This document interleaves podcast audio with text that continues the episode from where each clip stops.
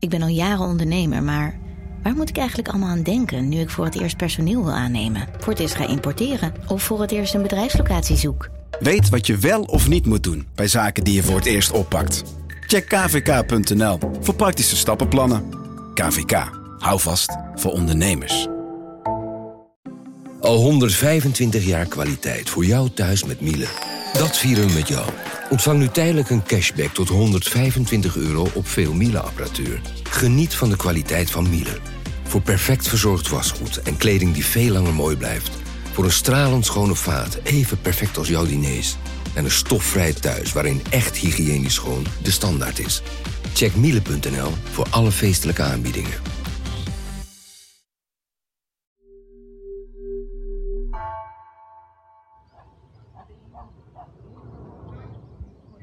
¡Hostia!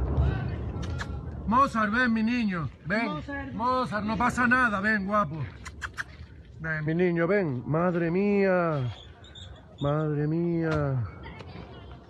Uf.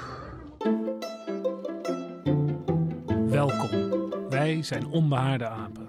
Dit is een podcast van NRC over wetenschap.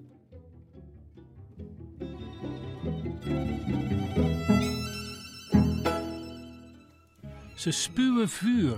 Ze lanceren gloeiend hete rotsblokken de lucht in. Ze blazen stof hoog de atmosfeer in. En met hun hete lava verzwelgen ze hele dorpen. Vulkanen.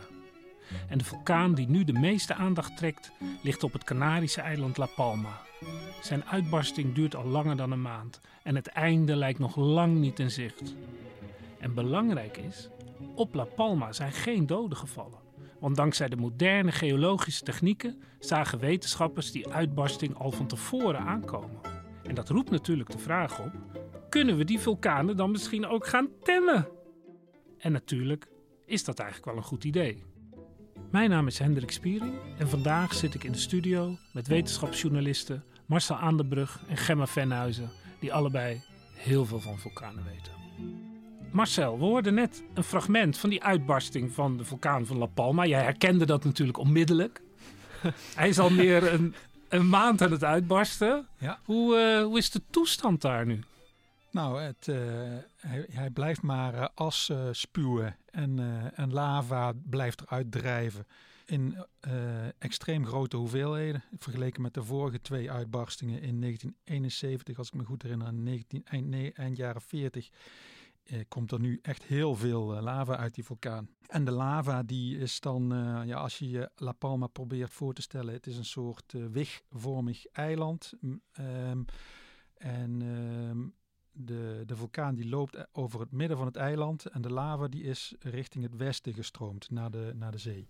En, en er zijn dus vierkante kilometers vol as.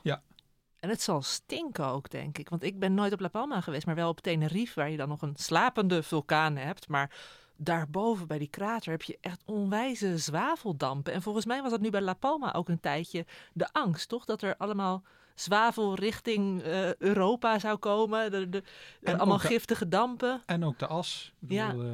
eh, bedoel, het is al eerder gebeurd dat het luchtverkeer is stilgelegd vanwege heftige aswolken. Maar eh, ehm, de, de wind staat eh, vaak gunstig. Op, op La Palma zelf heb je aan de oostkant het vliegveld. Ehm, de wind komt uit het noordoosten. Je zult er trouwens wel mooie zonsondergangen hebben. Want dat is wel als je veel eh, vulkanisch as in de lucht hebt, dat je dan van die hele intens rode zonsondergangen ziet soms. Maar dat, dat lijkt me geen eh, pretje om daar dan te moeten werken. Jij bent als journalist, ben je, kijk je nu gewoon naar filmpjes. Als vulkanoloog sta je daar eh, tot je knieën in de as. Ja, Hoe, eh, En de lava stroomt, in dit geval stroomt de lava vrij traag, dus je kunt er makkelijk bij komen. Eh, maar een van de mensen die ik eh, hiervoor heb gesproken, eh, Een Zweedse hoogleraar van de Universiteit van Uppsala, die is ook daar geweest en die, nou, die heeft ook eh, opnames gemaakt, gewoon vlak naast de lava, waar die dan eh, eh, nog bij een huisje staat, wat op het punt staat om verzwolgen te worden.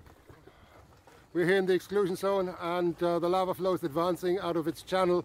There's uh, renewed vigor in the lava flows and uh, there seems to be enough volume to spill the channel. So the lava is now widening into new areas and here it's uh, coming down a road. It has just taken out this electricity pole and uh, here it's moving behind this house. So uh, we can see large blocks coming down and moving towards the house, glowing hot, red hot lava. And uh, this house is in the way. So this house has only a lifetime of a few more hours at best, I would say. And uh, the uh, red hot lava comes at 1000, 1100 degrees, and of course it burns everything that is flammable in its way. Hij stond er dus echt wel heel dichtbij. En ik heb in mijn hoofd zoiets van als je een vulkaan hoort rommelen, dat je dan, nou ja, aan de ene kant misschien wel je, je uit de voeten moet maken, maar dat je ook vooral moet kijken naar de top van de vulkaan, zodat je de, de, de lavabommen daadwerkelijk aan ziet komen. Ja, ik heb een bizar fragment gezien in de documentaire Into the Inferno van de Duitse filmmaker Werner Herzog. En daar staan ze op een vulkaan op Antarctica. Uh, de mensen leggen inderdaad uit dat je je niet, uh, als, als je het hoort knallen, niet uh, moet omkeren, de vulkaan de rug toekeren en wegrennen. Maar je moet gewoon blijven kijken, om, omhoog kijken en ehm, kijken of je lava, lavabommen ziet neerdalen en dan step aside. ja. Maar zo'n lavabom, dan stel ik me dus een gloeiend hete rotsblok uh, die, die al spetterend weer naar beneden ja, komt. En jij houdt je handen nu zo alsof het een klein dingetje is, maar het kunnen ook echt metersgrote blokken zijn. Ja, het interesse... wat heb jij daar instructies voor gekregen tijdens je opleiding? Nou, ik moet zeggen dat we vooral wel dode en slapende vulkanen oh, hebben okay, gezien. Gelukkig. Maar ja. wat wel interessant ook is aan die vulkanische bommen, is dat soms heb je zo'n heel groot um, stuk, hè, lichtgekleurd wordt dus ook wel puimsteen genoemd, en is het wel verrassend licht. En dat komt weer, en daar zullen we het later ook nog wel even over hebben, over de grote hoeveelheid opgeloste gassen erin. Dus het zijn allemaal luchtbelletjes die je erin terugziet. Dat is wel een heel mooi beeld. Dat je dus altijd net als naar een koning mag je die nooit uh, de rug toekeren. Je moet het volstrekte heiligheid langzaam achteruit lopen. Respect om, voor de koning respect. vulkaan. Eh,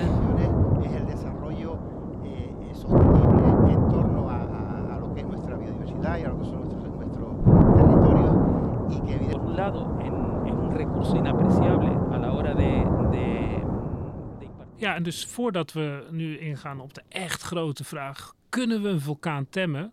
Moeten we toch even naar de basics. Hoeveel soorten vulkanen zijn er eigenlijk? Want ja, want de, vulkaan bestaat inderdaad niet. Um, in de wetenschap wordt een beetje verschillend um, ingedeeld. Sommigen die hebben het wel echt over vijf of zes categorieën vulkanen. Maar de drie belangrijkste zou ik zeggen, moet jij maar zeggen of je het ermee eens bent Marcel. Uh, allereerst heb je de stratovulkaan en dat is eigenlijk wat wij als de klassieke vulkaan, of ik weet niet, ik, als ik aan een vulkaan denk, denk ik toch wel aan een vrij steile, ja, een soort hoge... piramide met het kopje eraf waar rook uitkomt. ja, zeg maar. precies. Ja, een soort Mount Fuji-achtig beeld. En dat is dus die stratovulkaan. En um, die gaat ook vaak gepaard met, met uh, heftige explosies. Maar je hebt ook een veel tammere vulkaan, bijvoorbeeld wat je vaak op Hawaii tegenkomt, dat zijn de schildvulkanen. En ja, die zijn qua uh, hellingshoek zijn ze ook, ook veel bescheidener. Je zou ze vanuit de lucht ook een beetje als een soort schild van een strijder kunnen, uh, kunnen omschrijven. En uh, wat zelf ook nog wel een interessant type is, en Marcel, is dat inderdaad op La Palma ook, dat het een spleetvulkaan is? Dus ja. echt een... Dus het was, het was eerst een... Het was eerst een schildvulkaan, want uh, de vulkanisme bevond zich vooral eerst in eerste instantie in het noorden. Uh, vervolgens is het verplaatst naar de richel van het, van, het, van het zuidelijke helft van het, van het eiland. Dus daar is een, soort spleet ontstaan. Ja, dat is eigenlijk een nieuwe vulkaan dus ja. eigenlijk. Ja, dus ja. dan zie je eigenlijk al dat soms, hè, zeker schild en spleet liggen ook qua stroperigheid van de lava en ook qua hellingshoek en zo liggen die veel dichter bij elkaar. Want is dat dan de reden dat, uh, dat de ene vulkaan een mooie puntberg maakt? Dat, dat die ander soort magma omhoog komt? Want, wat, ja, nu heb ik het eigenlijk al verraden wat, ja. wat iets nou, tot een vulkaan is, maakt. Je, je had ook vulkanoloog weten de meeste mensen ook wel. Dat nou, er, maar er komt iets omhoog. Het is wel ja, goed dat zeker. je het woord magma gebruikt hier ook. Hè? Want we hebben het afwisselend over magma en lava. En in zekere zin kun je zeggen dat het, het, het uh, gesteente, het hete gesteente, zodra het nog zich in de vulkaan bevindt en omhoog komt, dan is het magma. En eenmaal aan het oppervlak, dus echt het uitvloeiingsgesteente, dat is de lava. En uh, waarom het nou zo is dat, dat bij die een zo'n steile hellingshoek is, is omdat die magma heel erg van samenstelling kan veranderen. En um, je hebt eh, silica, eh, hè, silicium, nou ja, wat je ook in, in zand hebt. Ehm, het gehalte silica dat, dat beïnvloedt ook de stroperigheid en ehm, eh, ja, daarmee de, de samenstelling van de magma. Je hebt ook de hoeveelheid opgeloste gassen die erin Ja, zitten. Hoe Want- meer gas, hoe, hoe Ja, dat- lichter het is. Dat, nou, dat, dat gas dat zorgt wel echt voor de omhoogstuwing van het, het gesteente. Dus veel gas kan ook juist wel voor een soort explosieve uitbarsting zorgen. Ehm, ik moet denken aan iets wat een van mijn oude docenten, Bernd Anderweg, ehm, die vergeleek het dat je, als je een rietje hebt en je blaast in chilisaus bijvoorbeeld, kun je allemaal thuis doen, eh, dan ontstaan er heel veel kleine belletjes, maar dan borrelt het gewoon een beetje rustig. Terwijl als je met een rietje in honing, echt dus in iets wat veel stroperiger is, blaast, dan bouwt de druk zich langzaam op en dan ontstaat er een grote bel. En dan op een gegeven moment klapt die bel ook echt met geweld uit elkaar. En dat is dan ook de reden waarom een, een, een stratovulkaan, dus laten we zeggen een puntvulkaan, om het maar even Ja. simpel te zeggen, zowel die steilere hellingshoek heeft, als ook veel gewelddadiger, explosiever eh, eh, uitbarst. Ja, want die stratovulkaan, dus die helling daarvan, zijn eigenlijk veel meer opgebouwd uit eh, de fragmenten, deels ook uit die vulkanische bommen. Terwijl ehm, dat veel vloeibaardere lava dat uit de, de schildvulkaan stroomt, dat, dat stroomt zo lekker een beetje, ehm eh, sijpelt weg. Dus dat, dat is niet stroperig genoeg om een hele steile helling op te bouwen. Want ik heb bijvoorbeeld de indruk dat op Hawaii, wat dan dus zo'n schildvulkaan eh, is, dat daar dus ook eh, een veel permanentere stroom lava gewoon altijd, dat dat gewoon altijd maar doorstroomt. Is dat dan ook zo bij een schildvulkaan of niet? Ja, het is vaak wel bij schild- en spleetvulkanen dat het maanden, soms zelfs jaren eh, kan duren. Ik weet niet of er over La Palma voorspellingen zijn gedaan, Marcel, hoe lang het nog kan gaan duren. Eh, Valentin Troll verwacht dat het nog wel eens tot de kerst zou kunnen duren. En dat is eh, voor, voor, voor La Palma echt, echt eh, uitzonderlijk lang. Ja, en weten we eigenlijk iets over de mechanismes, hoe zo'n explosie van zo'n vulkaan eigenlijk tot stand komt?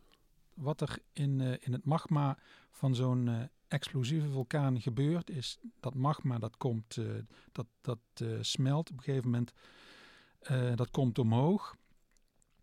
Eh, dat gas eh, wat erin zit, dat vormt gasbelletjes. Er zit ook water in. En het water dat trekt in die gasbelletjes. En dat, eh, nou ja, dat, dat komt daar in de gasfase. En dat zet uit, wil uitzetten. Maar het magma, in dit geval, wat, wat Gemma net heeft uitgelegd, daar zit zoveel silica in. Dus dat is heel taai. Dat werkt niet echt mee. Dat, Nou ja, de ideale bom eigenlijk. Het is een ideale bom, ja, precies. Dus het magma vormt, vervormt niet snel genoeg eh, om die druk, eh, die druk van, Te van het gas te accommoderen. Ja. Dus wat de magma gaat, eh, wat ze dan noemen, verglazen. Je krijgt obsidiaan, een soort glasreactie. En ehm, nou ja, die druk die bouwt, of die bouwt zich dus op een gegeven moment op. En, dan is het op, en, en, en vervolgens gaat die magma hoger en hoger. Ehm, gaat er, de druk die gaat er steeds verder af. En, en, en de gassen die kunnen zich steeds, steeds verder uitzetten die als winnen, het ware. zeg maar. Die winnen. En dan op een gegeven moment kabam. Dan En dat, de boel. dat proces begint dus al duizenden kilometers onder de grond, zo stel ik het me voor. Ehm, Hmm. Ja, het is, Ja. eh, dat, dat is het interessante ook. Het is inderdaad echt, eh, hè, als je de- de aarde doorsnijdt, dan heb je de, de, de kern en de mantel en de korst.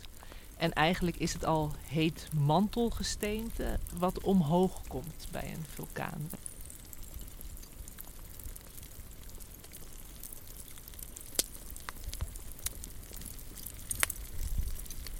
Nou, we zijn nu diep de aarde ingegaan. We hebben de, eh, de magma die lava wordt. Maar wat gebeurt er daarna als die lava... Dat wordt natuurlijk gewoon steen. Je hoort altijd dat het zo verschrikkelijk vruchtbaar is, vulkanisch gesteente. Maar hoe werkt dat dan?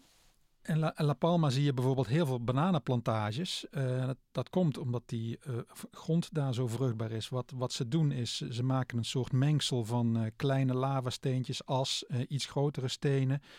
Ehm, omdat er en veel mineralen in zitten en uh, lavasteen is heel poreus. Dus daar kan water in doordringen en het uh, houdt water goed vast. Ik bedoel, er zijn ook, hier hebben we ook onze plantenbakken op lavasteentjes bijvoorbeeld. Ja, ja. ja van die beetje, hoe zeg je dat, terracotta gekleurde ja, balletjes. Precies. Hè? Ja, nou, dat is omdat het water daar zo goed ja, in... Ja, en die mineralen. Het is, eigenlijk, het is eigenlijk jammer dat we in Nederland geen nou, vulkanen het is wel zo. Ja, we hebben die Zuidwalvulkaan bij Terschelling. Die oude onderzeese vulkaan in de Waddenzee. Maar goed, dat, daar hebben we nu niks meer aan. Maar wat, het, het is een vloek en een zegen tegelijkertijd, zo'n zo'n vulkaan. En dat merk je, om het even voor jou in historisch perspectief ook te plaatsen.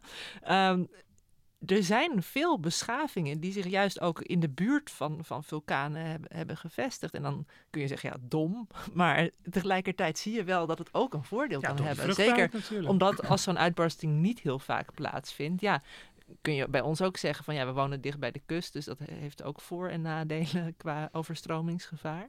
Maar voor de goede orde, in, in La Palma is iedereen gered. Alleen, we moeten wel wachten tot eh, de, de vulkaan weer klaar is natuurlijk. Er vallen ook wel eens veel doden bij vulkaanuitbarstingen. Zijn daar lijsten van? Hoe, hoe bang moeten we zijn? Ja, die lijstjes die zijn er. Ik heb er eentje opgezocht van de Oregon State University, eh, Deadliest Eruptions. En bovenaan staat eh, de Tambora-vulkaan op Indonesië, die in 1815 uitbarstte. En daar vielen 92.000 doden bij. 92.000, dat is waarschijnlijk het hele eiland. eh, alle mensen die daar woonden. De doden zijn niet gevallen door de uitbarsting zelf, Oh, maar eh, door de hongersnood die vervolgens ontstond. Want zeker bij die explosieve uitbarstingen komt er zoveel as in de, in de lucht, hoog in de stratosfeer. Dat, eh, dat zorgt voor eh, verdonkering, eh, ook eh, temperatuurafname, eh, soms wereldwijd. Dat zijn klimaateffecten, die kunnen een paar jaar duren. Eh, maar in ieder geval, eh, het wordt zo donker dat eh, de oogsten verloren gaan. ja, ja, dus dat is, dat is wereldwijd eigenlijk 92.000 dan. Ja, dat dat is zou- een ingewikkelde berekening Ja. natuurlijk. Een, een recente, ik weet niet precies of die ook in jouw lijstje voorkomt, Marcel, maar waar ik altijd aan denk, die ook zelf door zijn eigen explosiviteit wel veel slachtoffers heeft gemaakt, is de Mount St. Helens eh, in de Verenigde Staten. 1980 was dat. En dat was ook echt omdat er een flank van de vulkaan afknalde. Dus eh, dat was heel plotseling en heel snel kwam daar ook eh, lava naar beneden zetten en waren het ook gewoon rondslingerende ehm, eh, vulkanische bommen. En ehm, ja, er- is ook iets dat heette, is kort na die uitbarsting gemaakt. Dat was in 1982 hebben ze een vulkanische explosieindex gemaakt van 0 tot 8. En dat is dan een mate van explosiviteit van een vulkaan. En dat ja, hoeft niet één op één te staan met het aantal doden. Want wat Marcel zegt, het kan ook indirect zijn. En niet bij elke vulkaan wonen evenveel mensen in de buurt natuurlijk. Maar het is toch wel interessant dat er een beetje wordt geprobeerd om het in te delen of te klassificeren. Ja, en, en nogmaals terugkomend op eh, de doden door de uitbarsting. eh, de Krakatau die staat als nummer twee op die eh, lijst van meest dodelijke erupties. Ehm 1883, meer dan 36.000 doden, ook vanwege die tsunami. En ehm, wat ook nog kan gebeuren, is dat er een enorme hete, razendsnelle wolk van, van as en gas. Van oh die- ja, de van die berg- pyroclastische wolk van die eh, berg van die vulkaan afraast. Eh, de pyroclastische wolk inderdaad. En daar vallen ook eh, soms eh, doden bij. Ja. Wat, wat Want dat is gloeiend hete lucht met heel veel zwavels, gassen en... eh, vooral gloeiend heet. En eh, een leuk luguber lijstje. Staat de bekende Vesuvius er ook nog op? Die Hij, sta- iedere... hij staat er twee keer op. Eén keer in 1631. Mudflows en lavaflows. 3.500 doden. En in 79 na Christus.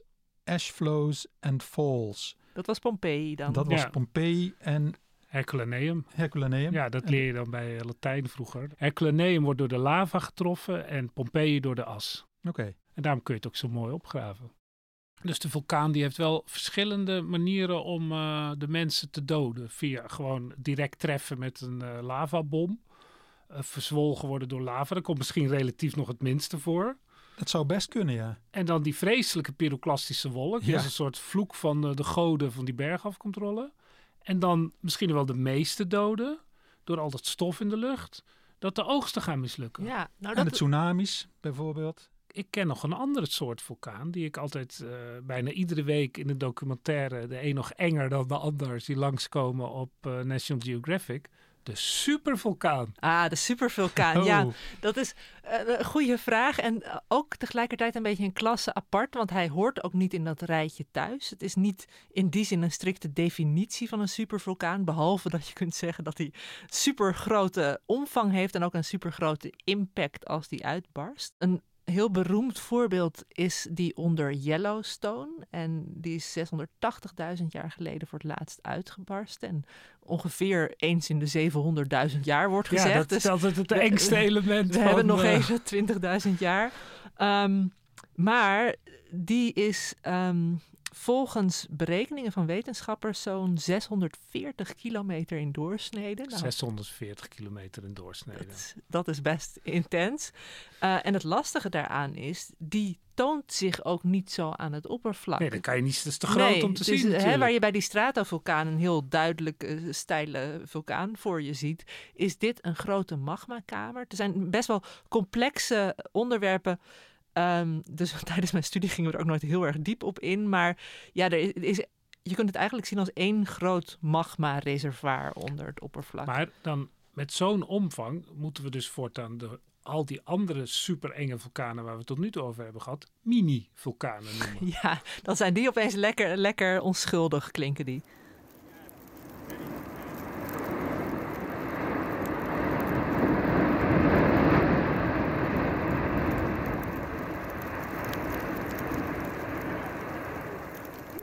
Oké, maar wij zijn mensen die nu te maken hebben met 50 vulkaanuitbarstingen. Niet van een superkarakter, maar van een gewoon, gewone uitbarstingen per jaar, geloof ik. 50 per jaar. 50 per jaar ongeveer, ja. Ja, er en- zijn 1500 actieve vulkanen geregistreerd, en waarvan er inderdaad jaarlijks ongeveer 50 uitbarsten. En dan heb je Som- ook bijvoorbeeld de stromboli die heel regelmatig een klein beetje pruttelt. Maar eh, die- daar is geen vergunningenstelsel voor. Die doen precies waar ze zin in hebben. We hebben net die enorme krachten die je beschrijft. Hoe kunnen wij mensen eh, dat een beetje onder controle brengen? Want we begonnen eigenlijk, het, het de hele podcast, dat op La Palma valt het eigenlijk wel mee. Misschien niet met de vernietiging, maar wel met eh, de menselijke verwondingen en, en de doden. Omdat we dat zagen aankomen. Hoe zit dat? Hoe goed hebben we dat hele vulkanische proces eh, onder controle? We zijn de uitbarsting beter gaan begrijpen. We hebben apparatuur eh, eh, gemaakt waarmee we bijvoorbeeld de aardbevingen, waar een vulkaanuitbarsting vaak mee begint, eh, die kun je monitoren. Dat ligt nogal voor de hand, want je voelt de grond schudden en je denkt, nou, Ja, wegwezen. Precies, dus eh, het idee is dat inderdaad die magma daar, die begint daar zich een beetje te roeren en dat veroorzaakt eh, aardbevingen. Nou, wat, er dan ook nog, wat je ook nog kunt voorstellen is dat die gassen die in dat magma zitten, die komen vrij. Dat kun je dus meten. En dat gebeurt dus in dat proces, als die...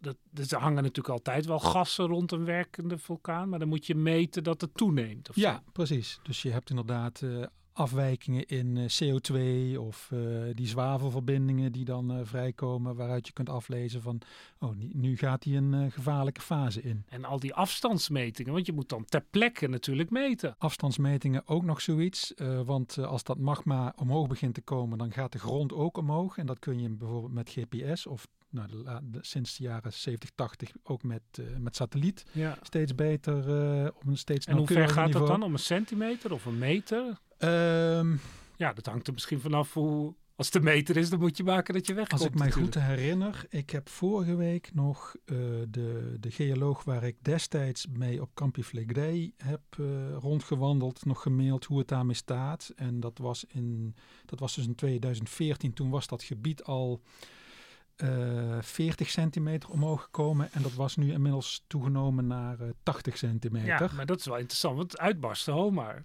Nee, hij was nee. Dus dat is niet Maar- echt een Hij voorspelling. teleurgesteld. Hij heeft wel alle signalen van dat hij iets gaat doen. En ze zeggen ook, nou, als dit bij een andere supervulkaan, eh, als je dit had gezien, dan was die al lang uitgebarsten. Maar in dit geval, in Italië, eh, waar eh, bijna 4 miljoen mensen in de, in de Ja, Napels. Ja. Ehm, heeft die, is die nog niet uitgebarsten. Maar dat is wel, dus eigenlijk per vulkaan is het dan ook verschillend. dat wordt ook gezegd, elke vulkaan is uniek. Ik bedoel, je hebt het, het gesteente daaronder uh, is weer anders. Uh, de magma-reservoiren zitten anders in elkaar. Uh, ja, en uh, wat me doet denken aan de, die heftige vulkaanuitbarsting op IJsland, hè, de Eyjafjallajökull. als ik het goed zeg. Het waren al die vliegtuigen toen voor Ja, in mei 2010 was dat. Uh, wat die zo ingewikkeld maakte, was dat er een ijskap bovenop uh, lag. Dat kun je dat betekent nog ook Eilandberg betekent die IJslandse naam. En juist door dat ijskap heb je weer dat natuurlijk het vuur in combinatie met ijs, dat dat voor een hoop uh, stoom en ook weer dat, dat vergrote explosiviteit. Ja, dat was weer. toen ook totaal onvoorspeld, herinner ik ja. me. En, ja. Nou, en daar had je weer over voorspellingen gesproken. Bijvoorbeeld de stand van de wind maakt natuurlijk ook uit. Dus je kunt zelfs ook zou je kunnen voorspellen wanneer die uitbarst. Zijn er nog dat soort secundaire um, parameters die, waar, waarmee je dan moet voorspellen hoe gevaarlijk die is? Want als de wind vanuit het oosten komt, heeft die misschien weer veel minder effect. Of wat je nu zei bij uh, La Palma, Marcel, dat het dan wat, ja, bij wat La Palma de is het aswolk dan, was, was, dan geen, was het dan geen ijs, maar uh, het lava bereikte de oceaan. En dan krijg je ook van die stoomexplosies, waardoor al dat uh, as en gas ook uh, weer verder de omgeving wordt ingeslingerd. Um, maar de, de deskundigen zeiden daar wel, uh, ook omdat het snel verwaait, ben je op een paar honderd meter afstand, in ieder geval die gassen bijvoorbeeld, dat die dan niet meer gevaarlijk zijn. Maar wat was dan bij La Palma de, de voorspelling? Wat, wat, want dat, je kan dus alleen maar de uitbarsting van een vulkaan voorspellen als je hem heel lang volgt. Want ja, je zie, stel je gaat nu naar, de, naar die vulkaan toe. Je denkt, hé, hey, gisteren mat ik deze hoeveelheid gassen en nu mat ik er zoveel. Dat ziet er gevaarlijk uit. Maar daarna gaat het weer naar beneden en dan gaat het weer omhoog. Dus dat blijft altijd een soort van onvoors- Nee, blijft altijd een, een, soort van onvoorspelbaarheid. Ja, de stromboli uh, die uh, ploft elke tien minuten wel uh, zo'n beetje. Nou, dat is heel voorspelbaar dat is, dat is, vrij voorspelbaar. Maar er zijn heel veel vulkanen waar ze het, ja, je, je hoopt dat je het weet. Um, maar 100% garantie heb je niet. Bedoel... Nou, wat was dan op La Palma het, het, het, de treffende redenen dat ze zagen van uh, nu, uh, morgen gaat hij uitbarsten? Op Martinique uh, had je het ook begon met de aardbevingen. Dus dan de aardbevingen waar, waar Gemma het ook over had op IJsland. Dan, dan sta je al op scherp. En vervolgens zie je dat die ontgassing sterk toeneemt. En vervolgens gaat ook het, zie je die vervorming. Ja. Het, het land komt omhoog. En dan weet je dat die magma Ja. echt, echt omhoog komt. Dus dat telt allemaal op. Telt Ja, allemaal op. en dan Ja. nog zag je wel op La Palma dat niet direct iedereen werd eh, geëvacueerd. Hè? Want nou ja, wat La- Marcel nog zei, dat die spleet pas later eh, zich ontwikkelde. Dus Bij La Palma speelt natuurlijk ook nog mee dat het een hotspot is. Dat het de, de type lava is de, de vloeibare lava. eh, en niet die hele taaie lava die voor explosies Nee, eh, dus zorgt. de, de je- chili-saus, eh, ja, niet de. De- Ja. de- daar hoef je in principe weinig zorgen over te maken. Ik bedoel, het heeft enorme destructie met zich meegebracht. Huizen, kerken, de wegen, infrastructuur. Het, het is allemaal bedekt door de lava en met een dikke laag as. Ehm, maar mensen hoeven daar in die zin niet zo erg voor te vrezen. Oh, dus dat is ook, het is ook makkelijk te beveiligen eigenlijk. Ja. Omdat het niet, eh, niet, een niet een gevaarlijke type is. Ja. En zijn er nou ook veel valse alarmen? Want dat lijkt me altijd het probleem. Dat je dus, Ja, dat dat- je dus ja, nee, alles ziet bewegen en dan, eh, dan trek je aan de bel eh, als vulkanoloog. Dat en dan een week, week later gebeurt er niks. Dat heb ik me ook nog zitten afvragen. Ja. Wat is nou precies het punt dat je besluit om tienduizenden mensen te gaan Ja. evacueren? Want dat is nogal wat. en dat is eh, niet alleen een kostenplaatje, maar ook als je dat te vaak doet met vals alarm, dan gaan mensen op een gegeven moment denken, ja, het zal wel. Ja, bijvoorbeeld. Ja. Dus ja, hoe vaak het misgaat, eh, dat weet ik niet. Maar Dus we kunnen die vulkanen voorspellen dat ze uitbarsten als we dus een, een hele reeks van, van metingen hebben. Ik neem aan dat ze dat op La Palma gedaan hebben. Want daar hebben ze sinds 1994 zijn ze daar een, een meetnetwerk gaan installeren. Dus eh, nee, dat wordt echt dag en nacht gevolgd. Ja, dus dan, dan leer je zo'n zo slapende vulkaan langzaam kennen. Ja. En dan hoor je dat die wakker gaat worden. Maar ja, dat is, heeft ook wel iets. Kan ook beklemmend zijn. Want je moet dan beslissen van. Ja, nu gaat die uitbarsten of niet. En dat zijn. eh, eh, dan kan je zelfs eh, voor de rechter komen als je dan denkt. Nou, ik denk het toch niet. Oh ja? Nou, dat, dat klinkt heel, uh, heel science fiction-achtig, maar het is inderdaad in 2009, dat was toen ander natuurgeweld, namelijk een aardbeving bij L'Aquila, toen in Italië. Daar zijn daadwerkelijk zes geologen voor de rechter gesleept. En um, ik vind dat zelf, ja, misschien ook omdat ik aardwetenschapper ben, ik, ik vond dat heel heftig destijds. En ik snap van de kant van de slachtoffers van je wil maar waarom zijn ze voor de rechter gesleept? Uh, vanwege nalatigheid. Omdat hen dus in de schoenen werd geschoven dat zij niet genoeg hadden gedaan om die aardbevingen te voorspellen. Dat ze dus eigenlijk dat wel hadden kunnen moeten doen. En als zij maar op tijd iedereen hadden gewaarschuwd, als zij op evacuatie hadden aangedrongen, dan waren er geen slachtoffers gevallen. En uiteindelijk, die, die, aardbeving was 6 april 2009. In 2012 zijn die zes wetenschappers veroordeeld tot zes jaar cel. Uh, en uiteindelijk zijn ze wel in 2014 in hoger beroep weer vrijgesproken ja, dan zit je toch twee jaar in vrij heftige angst van, oh, misschien moet ik voor jaren de gevangenis in. Ik herinner me er wel iets van ook, want volgens mij is toen in 2014 wel een politicus alsnog veroordeeld omdat die moest die rapporten beoordelen natuurlijk. Die moest natuurlijk het evacuatiebevel dus geven. Iemand dus... moest toch de zondebok zijn. Dat, nou, het, het maakt het wel weer interessant, hè? Van, van uh, waar ligt de verantwoordelijkheid? In hoeverre kunnen we dit soort dingen in de hand hebben? Ik vond dat zelf met IJsland baalde ik, want ik zou toen naar Alaska vliegen en dat kon toen niet door die aswolk. Maar ik vond het ergens ook best wel mooi dat die as toen het hele vliegverkeer even lam legde. Ik bedoel, tuurlijk, weet je, ik bedoel, ik, ik verkeerde niet in, in, in doodsnood door zo'n vulkaanuitbarsting. Ik snap wel dat het dat echt een, een, tandje serieuzer is dan alleen maar niet naar Alaska kunnen vliegen. Maar ergens laat het ook wel weer de, de, de, de machtigheid van de natuur zien. Ja, het ontzag voor de, dat we altijd met ons gezicht naar de vulkaan uh, weg moeten lopen. Zeg maar. ja, ja, precies. Koning Vulkaan heeft toch het laatste woord. Ja, het maakt, maakt ons een beetje nederig. Uh, in dat wij de hele aarde al denken te kunnen controleren. Uh, maar dat is dus in dit geval niet zo.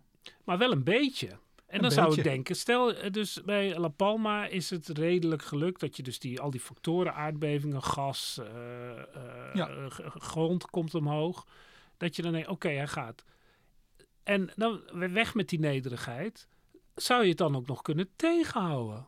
Kan je bij wijze van spreken uh, gips overheen gooien of, of ja, nee, een dat, bom erop? Ja, ja, ja, of, zeker. Wat, wat, wat zijn nou, de mogelijkheden, er zullen Marcel? Er, er zullen heus wel uh, mensen zijn die, die denken dat dat mogelijk is. En ik bedoel, je komt wel eens tegen dat mensen denken van moeten we er niet een uh, iets nucleairs, een atoombom ingooien om de, om de, om de spanning eraf te halen. Om, de, om het te sluiten, om de boel te sluiten. Of, of heel veel water erin, dat het afkoelt. Uh, bijvoorbeeld, wat, wat op IJsland volgens mij al een keer is gedaan. Uh, want ze, ze zagen die lavastroom een verkeerde kant op gaan. Ik denk richting een dorp of zo. En ze hebben daar enorme bakken water overheen gegooid oh, om het snel af te koelen. Dat is de spirit. Maar dan zit je dus inderdaad wel op het niveau van de lava is er al uit. Ja. Dat is zeg maar meer het verkeer regelen natuurlijk. ja. Nou, dammetjes bouwen, op, ja. Op Etna, inderdaad, dammetjes bouwen. Je zegt het al. Wat ze op Etna, op de, bij de Etna ook hebben geprobeerd. De, op een gegeven moment, jaren tachtig. En, en daarna ook dat ze die lava-stroom de verkeerde kant op zien uh, gaan. En dan in, uh, als een idioot uh, wallen, wallen gaan bouwen van, van aardewallen en een hele, hele, hele hoop troep om maar te proberen uh, die lavastroom uh, tegen te houden van de andere kant op. Ja, het is toch vloeibaar, dus je kan ook een greppel graven. Maar, maar, maar, maar, ik bedoel, dat is niet helemaal gelukt. En ik, ik vroeg, vroeg uh, Valentin Troll daar ook naar. Um, hadden we dat op La Palma, uh, of be, hadden ze dat op La Palma niet kunnen doen? En hij zegt, uh, het, het, het is in principe mogelijk, maar als die lava er maar uit blijft stromen, zoals nu uh, op La Palma het geval is, dan vindt hij daar op een gegeven moment toch ook wel weer een weg doorheen, door, door, door zo'n wal. Maar wat ik wel leuk vind, is dat um, het laat ook weer de vindingrijkheid van mensen zien. En ik heb ergens, ik weet helaas de bron niet meer eens gelezen, dat uh, er ook wel wordt beweerd dat um, juist hè, het leven in de buurt van vulkanen en bij plaatranden en zo, dus waar, waar al dat natuurgeweld plaatsvindt, ook wel weer voor een impuls van creativiteit kan, kan zorgen. Juist omdat je steeds wordt uitgedaagd door de natuur, dat je jezelf dan sneller gaat ontwikkelen van, oh, we, we moeten hier iets mee doen. Oké. Daarom zijn wij ook allemaal wel achter die dijken gaan wonen. Natuurlijk Ja. gewoon voor de sensatie. Ja, precies. Beetje spanning in je leven. En over leven gesproken mag ik nog één laatste pleidooi voor vulkanen houden. Dat het ook wel eh, een beetje zo is, zonder vulkanen waren wij hier niet. Kijk, dat Kijk, is iets heel anders. hoe, Ja, leg wat? even uit, eh, Gemma. Nou ja, in de begintijd van de aarde, dus zeg over 4 miljard jaar geleden, ehm, toen was de aarde één grote supervulkaan. Er was zoveel vulkanisme overal, dat er ook ontzettend veel gassen werden uitgestoten. En die gassen, die zorgden weer voor de vroege atmosfeer. Dus in zekere zin hebben vulkanen wel de aarde en het leven op aarde, zoals dat er nu uitziet, mogelijk gemaakt. Het is een hele mooie Ja. cyclus, want eh, ze stoten dus bijvoorbeeld heel veel CO2 uit in de lucht. Eh, de vulkanen verweren en bij de verwering nemen ze CO2 op. Dus eh, je, je ziet al een soort cyclus. En ehm, bij het ontstaan van het, het leven wordt, is, is ook een van de theorieën dat eh, die hydrothermal vents, dus de, de, de, de, zeg maar zeggen, de plekken waar vulkanen in, in de oceanen uitbarsten, dat daar mogelijk het eerste leven is ontstaan. Ja, daar hebben we nog een hele vroege onbehaarde Ja, apen ja, afleveringen over gemaakt. Nou, dan hou ik er toch aan over dat eh, de vulkanen bijzonder gevaarlijk zijn. Dat we ze een beetje kunnen eh, voorspellen als je ze maar lang genoeg in de gaten hebt gehouden. Zodat we al die patronen van aardbevingjes, gasvorming, eh, land wat omhoog komt en weer omlaag gaat, goed kunnen beoordelen. Dat is op La Palma redelijk gelukt. We kunnen er eigenlijk verder niet zoveel tegen doen. Behalve een muurtje om een lavastroom wanhopig een beetje opzij te duwen. En verder moeten we er dus maar mee zien te leven met die vulkanen die vroeger als goden werden beschouwd. En waar we nog, die we nog altijd in de gaten moeten houden. En waar we totaal van eh, afhankelijk zijn van hun, eh, van hun willekeur. Ja, we moeten ermee zien te leven en tegelijkertijd leven we ook dankzij de vulkanen. Het zijn fantastische, indrukwekkende, angstaanjagende krachten. Nou, Gemma, Marcel, dank jullie wel voor jullie vurige pleidooi voor eh, vulkanen en voor beter begrip van vulkanen. En ik wil ook graag eh, de producenten Julia Vier en Rosa van Toledo bedanken voor hun eh, bijdrage aan deze podcast. En natuurlijk dank ik speciaal ook het Dudok Quartet voor onze tune, die ze ooit speciaal voor ons hebben opgenomen. Tweede deel uit het strijkkwartet van Ravel. Assez vif. En dat is ook een goed motto, ook voor vulkanen. Snel genoeg, maar niet te snel. Tot volgende week. So, I guess it's time for us to move out here. This area cannot be saved, and uh, we have to give it over to the lava. Thank you. Hope to see you soon. All the best.